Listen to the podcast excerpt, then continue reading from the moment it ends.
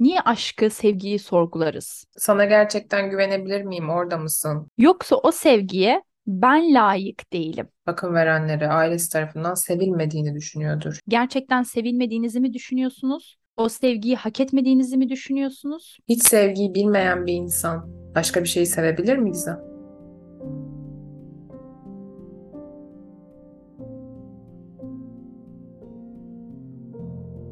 Merhaba, Yankı Psikoloji Podcast'tesin. Belki sabah, belki öğle, belki akşam, belki de gece. Günün hangi saatinden bizleri dinliyorsan hoş geldin, merhaba. Ben Azra. Ben de Gizem. Biz her yayınımızda bir şarkı seçiyoruz ve bu şarkıdan bizi en çok etkileyen kısmı konuşuyoruz. Bugün de Dedüblüman'ın Belki şarkısından aşkını, sevgini sorguladım cümlesiyle geldik sizlere. Biraz e, ismini söylemekte zorlandığımız bir sanatçı oldu.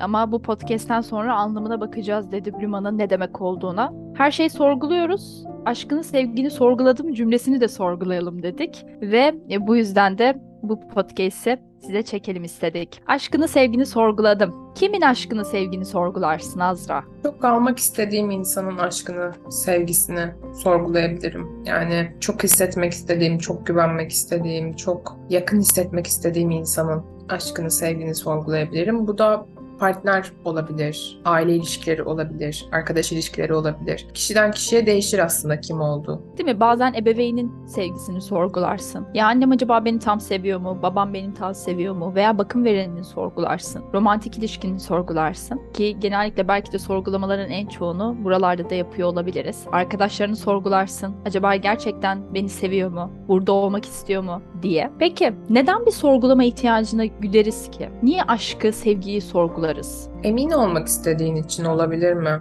Yani sana gerçekten güvenebilir miyim? Orada mısın? Sana gerçekten sarılabilir miyim? Gerçek bir sevgi mi bu? Emin olma ihtiyacı. Emin olma ihtiyacı. Bu cümleyi çok seviyorum ama bence bu cümlenin altında çokça boyutlar yatıyor. Ben öyle düşünüyorum. Ne demek emin olma ihtiyacı? Şimdi gerçekten karşıdaki insan bazen aşkını ve sevgini, sevgisini gösteremeyebiliyor veya karşı tarafı emin hissini de hissettirmiyor olabilir ama ben bunu biraz da kişinin kendi dinamiğiyle de sorgulaması gerektiğine inanıyorum. Acaba emin olamadığın kısım gerçekten karşı tarafın davranışları, sözleri, tutumları, yaklaşımı mı? Yoksa o sevgiye ben layık değilim. Ben layık mıyım? Bundan emin olamıyorum mu? Evet ben yine bireysel noktadan bakış açımı serdim Azra. Topu sana atıyorum. Bireysellikle ilgisi olabilir. Yani birçoğu bireysellikle ilgili zaten bence bu başlığın. Hani aşkını, sevgini sorgulamak bireysellikle ilgili olabilir. Bir yandan e, sevgi dilin de başka olabilir. Yani ne bileyim biri birine sözel olarak kendini çok ifade ederek aslında sevgisini hissettirirken öteki ötekine sadece işte e, sırtını sıvazlamayı sevgiyi gösterme aracı olarak görebilir. Ya da bir kişi bir kişiyi sürekli merak ederek aslında onu aşkını, sevgisini hissettirir. Ama bir kişi o kadar merak etmez ama ansızın çıkar gelir mesela işte beklemediğin bir anda gibi. Hani burada sevgi dili farklılığından dolayı karşı tarafı sorguluyor olabilir etsin. Bir yandan da Gizem'in söylediği çok derin bir şey aslında. Sevileceğine, o kadar değer göreceğine inanmam. Ve aynı zamanda bence süreç içerisinde de değişebilir bu ihtiyaç. Hani dedin ya sevgi dili. Ben ben de buna çok inanan bir yerdeyim. Belki aynı kanaldan girmişsinizdir o sevgi diline. Nedir? Bunu işitsel olarak duymak istiyorsunuzdur aynı kanaldan başlamışsınızdır. O da sen de işitsel olarak sevgiyi genellikle duyarak alan bir taraftasınızdır. Ama günün sonunda senin belki kanalın değişmiştir.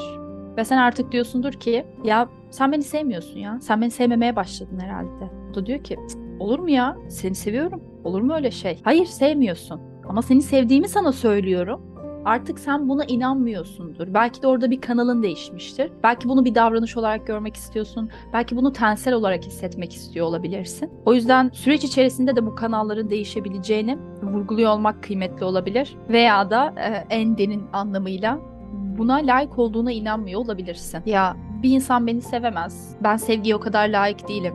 Sevgiyi hak etmiyorum ki. Nasıl bir insan beni sevebilir ki ya? Bence o kadar da sevgiye layık, değerli biri değilim. İşte bu kıtlık bilinci de sanırım e, zorlu bir noktada olan bakış açısı ve bilinci. O yüzden kendinizi bir sorgulayın. Gerçekten sevilmediğinizi mi düşünüyorsunuz? O sevgiyi hak etmediğinizi mi düşünüyorsunuz? Burayı sorguluyor olmak kıymetli olabilir. Neden bir insan sevgiyi hak etmediğini düşünüyor olabilir ki? Sevgi almadığına inanıyordur ailesinden. En temelde buradan geliyor. Çocukluğunda, ergenliğinde, bakım verenleri ailesi tarafından sevilmediğini düşünüyordur. İşte annem beni hiç öpmedi ki. Babam bana hiç uzun uzun sarılmadı ki. Hiçbir zaman benim başımı okşamadılar ki. Burada sevgiye dair inançsızlık var aslında. Sevilmeyeceğine dair inançsızlık var. Çünkü başka başka bir nesne tarafından işte anne baba tarafından sana verilmediğine inandığın bir şey var orada. Değil mi? Burada da kişi şunu düşünmeli. Hakikaten sevgiyi hiç almamış bir insan olsaydınız, başka şeyleri sevebilir miydiniz? İşinizi, evcil hayvanınızı, arkadaşınızı, çok sevdiğiniz bir yemeği, partnerinizi, hiç sevgiyi bilmeyen bir insan başka bir şeyi sevebilir mi Gizem? Ah Eric Fromm canlandı kulaklarımda. Ee, burada e, cümleyi şöyle yorumluyor olmak ve okuyor olmak da önemli. Burada almadığınızı düşünen taraf sizsiniz. Bence buraya bakıyor olmak kıymetli. Hiç sevgiyi almamış bir insan o zaman sevgiyi nasıl gösterebileceğini de belli noktalarda bilmiyordur. Yani siz bunu deneyimlediğiniz için seviyorsunuz kedinizi, köpeğinizi. Aldınız ama belki de oradaki işte o düşünce sizi ketliyor olabilir. Hiç almadığınız bir şeyi yapamazsınız. Hiç öğrenmediğiniz bir matematik problemini çözüyor olmakta zorlanırsınız. Sevgiyi aldınız ama belki o sizin istediğiniz şekilde değildir. Sizin ihtiyacınızı karşılayabilecek noktada değildi. Ama siz onu bir noktada aldınız. Nasıl aldınız? Belki bakım vereniniz size kızdıktan sonra aradan bir saat geçip geçtikten sonra hadi yemek hazır gel yemeği ye demiştir. Belki bu şekilde almışsınızdır. Ya da sizi çok zorlayan bir sınavın sonunda istediniz ki orada aileniz sizi kucaklasın ve o zorluğu birlikte o sarılmanın gücüyle alın. Ama belki orada olmadılar ama arayıp nasıl geçti sınavın? Dün çok çalışmıştın. Ne yaptın? bir şeyler yapabildin mi demiştir. Ve bunlar size sevgisiz hissettiriyor olabilir. Beklediğiniz şekilde alamıyor olabilirsiniz. O yüzden kanalınızı keşfediyor olmanız, benim sevgimin dili nasıl? Ben sevgiyi nasıl almak istiyorum? Sevgiyi nasıl karşılamak istiyorum? Buraları düşünüyor olmak aynı zamanda sizin için ilk başlangıç da olabilir. Sevgiyi alma, sevgiyi verme, sevileceğimize inanma. Bunların hepsi farklı yerlere, farklı sorgulamalara uzanıyor. Zor bir konu aslında bu seçtiğimiz cümlede.